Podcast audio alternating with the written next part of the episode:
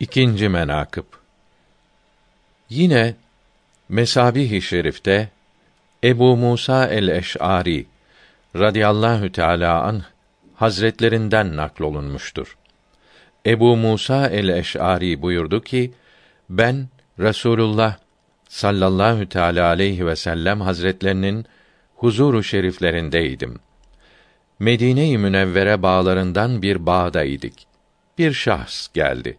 Kapıyı açmak talep etti. Hazreti Resul Ekrem bana buyurdu. Var kapıyı aç. Cennet ile onu müjdele.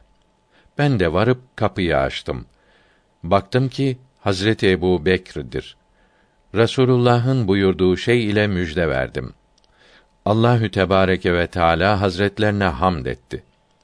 Ondan sonra bir şahs daha geldi. Kapıyı açmak talep etti. Resulullah sallallahu teala aleyhi ve sellem buyurdu. Var kapıyı aç ve cennet ile ona müjde ver. Ben de varıp kapıyı açtım. Baktım ki Hazreti Ömer'dir. Ona Resulullah Hazretlerinin buyurdukları şeyi haber verdim. Allahü Tebareke ve Teala Hazretlerine hamd etti. Ondan sonra bir şahs daha kapının açılmasını talep etti. Resulullah sallallahu teala aleyhi ve sellem hazretleri buyurdu. Var kapıyı aç ve ona cennet ile müjde ver ve o belalar onun üzerine erişir. Ben de varıp kapıyı açtım. Baktım ki Hazreti Osman'dır. Ona Resulullah Hazretlerinin buyurduklarını haber verdim.